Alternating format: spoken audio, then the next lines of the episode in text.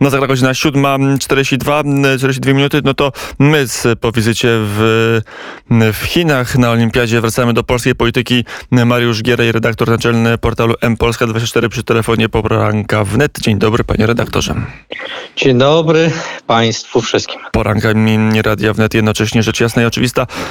Donald Tusk wczoraj swój film zaprezentował, już o tym mówiliśmy z panem posłem Czarneckim, który powiedział, że jego zdaniem chodzi o to, że po prostu Donald Tusk nie wierzy, że wróci do władzy, bo jakby wierzył, to by robił wszystko, aby te pieniądze do Polski przypłynęły, bo jego rząd, rząd mógłby, ewentualny przyszły mógłby je wydawać. No ale z drugiej strony film jest bardzo popularny. Pytanie, czy stadion wypełniony banknotami euro e, to jest ta wizja, która Polaków skłoni do głosowania na, e, na partię Donalda Tuska.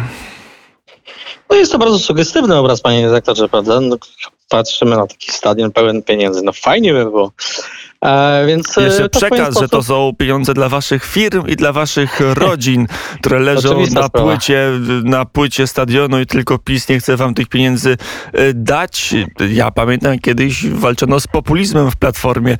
Nie wiem, czy to dalej jest aktualne, czy jednak populizm e, nie jest już dominującą ideologią w tej partii liberalnej. Było, nie było. Ale we wszystkich partiach jest e, ideologią dominującą, krótko mówiąc. Czy popatrzymy na PiS, czy popatrzymy na Platformę, czy popatrzymy na Lewicę, czy wszędzie, prawda? Więc e, to, to już zupełnie, jesteśmy w zupełnie innym miejscu polityki.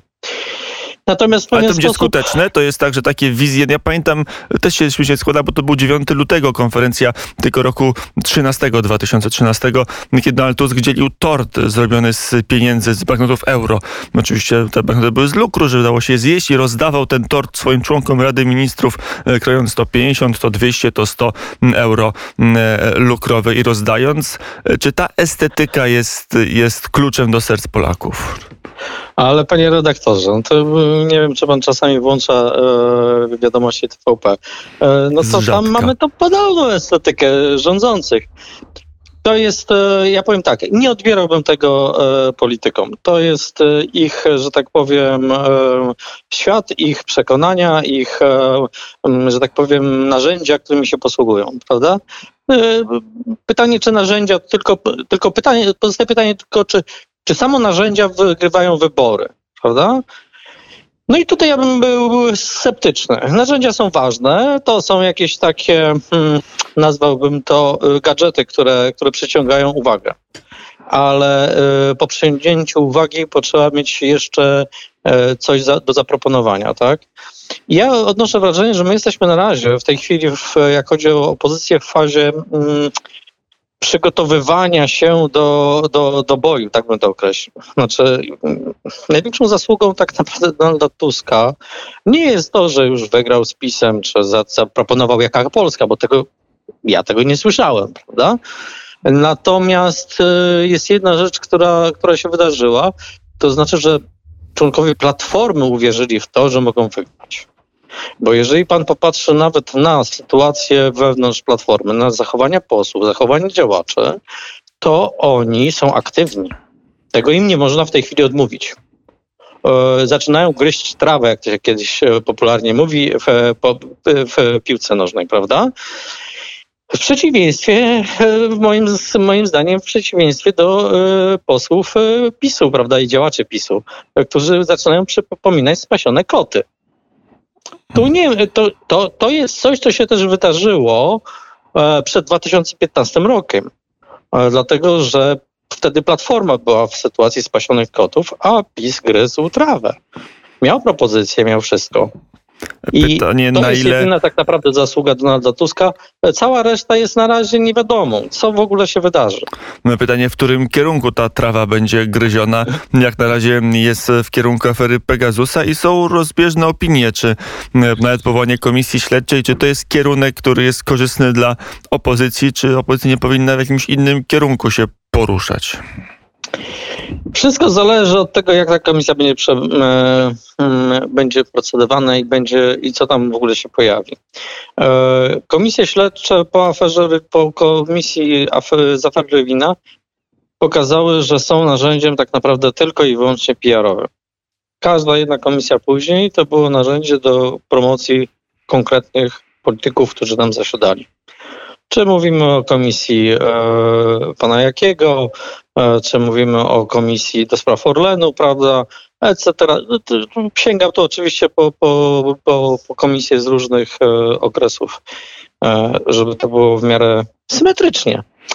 E, bo te mechanizmy są wszystkie jednakowe. E, partie są generalnie rzecz biorąc, e, przejmują od siebie różne te mechanizmy. I teraz pytanie, czy ta komisja coś udowodni, czy coś pokaże, czy ktoś będzie tam jakaś gwiazda wyrośnie. Nie wiem. Znaczy generalnie rzecz biorąc komisje służą temu, żeby wykreować Pawła gwiazdę. Kukiza, bo nagle e, Paweł Kukiz, jeśli zostanie e, szefem tej komisji śledczej, a tak chce opozycja, jak się bardzo szczegółowo policzy głosy, to jedni mówią 230 e, do 230. Brakuje jednego głosu, żeby przyjąć uchwałę o powołaniu komisji śledczej.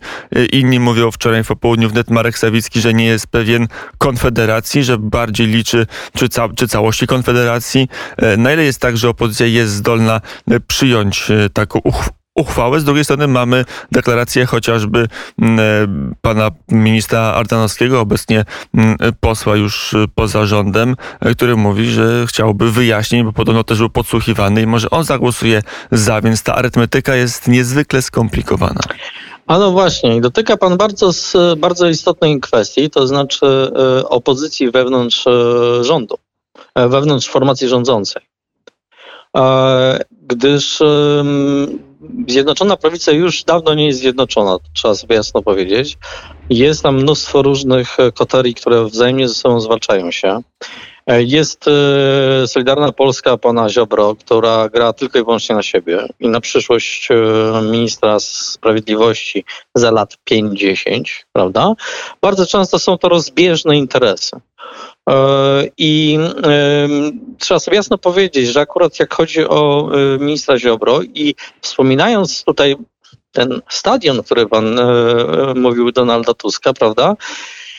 Komisja Pegasusa i to wszystko, co się dzieje, łączy się wspólnie. To znaczy, praprzyczyną braku tego stadionu pełnego pieniędzy jest e, upór, e, nazwijmy to w cudzysłowie, reformowania wymiaru sprawiedliwości przez ministra Ziobro.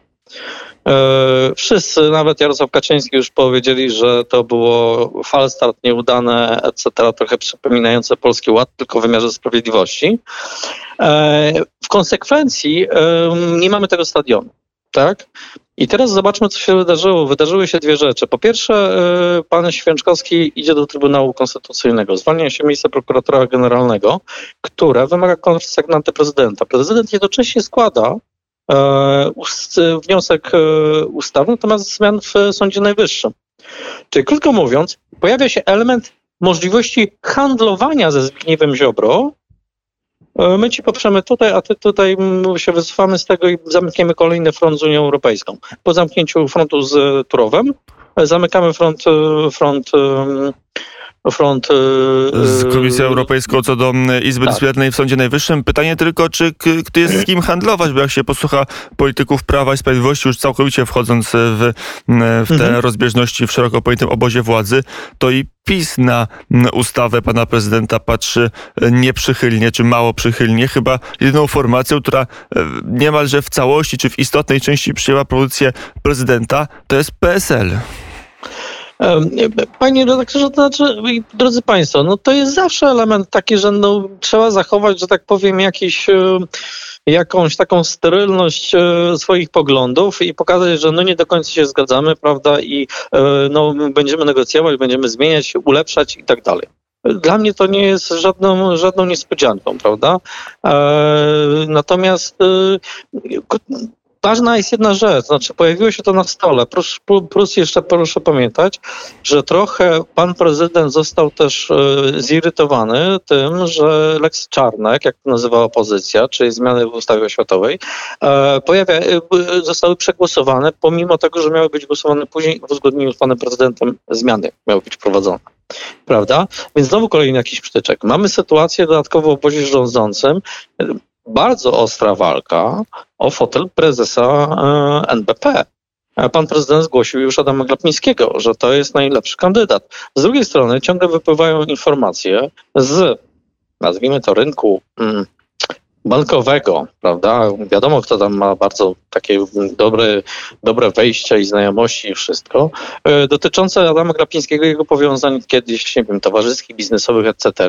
Czyli krótko mówiąc, ktoś, że tak powiem, dołki kopie pod Adamem Glapińskim. I to, nie od, I to nie od dziś, i to Gazeta Wyborcza e, mhm. publikuje. Zresztą, żeby być już tak e, całkiem odsłonić kurtynę, to kiedy się rozmawiało z pracownikami Narodowego Banku Polskiego, ze współpracownikami Adama Glapińskiego, to oni mówili w zasadzie wprost w prywatnych rozmowach, że to mm, ze strony premiera idą tego mm, typu ataki i oni w takim przeświadczeniu e, żyli i chyba dalej mm, żyją, więc e, ta walka o, o fotel Narodowy, prezydenta Narodowego Banku Polskiego była także istotna chyba dla premiera Mateusza Morawieckiego.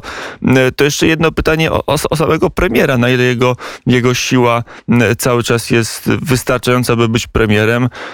Teraz trwa bój o to, kto zostanie ministrem e, finansów. Do tej pory był nim bardzo bliski współpracownik Mateusza Morawieckiego, Tadeusz Kościński, musiał odejść. Pytanie, kto za niego? Czy premier utrzyma swoją pozycję i swój wpływ na Ministerstwo Finansów?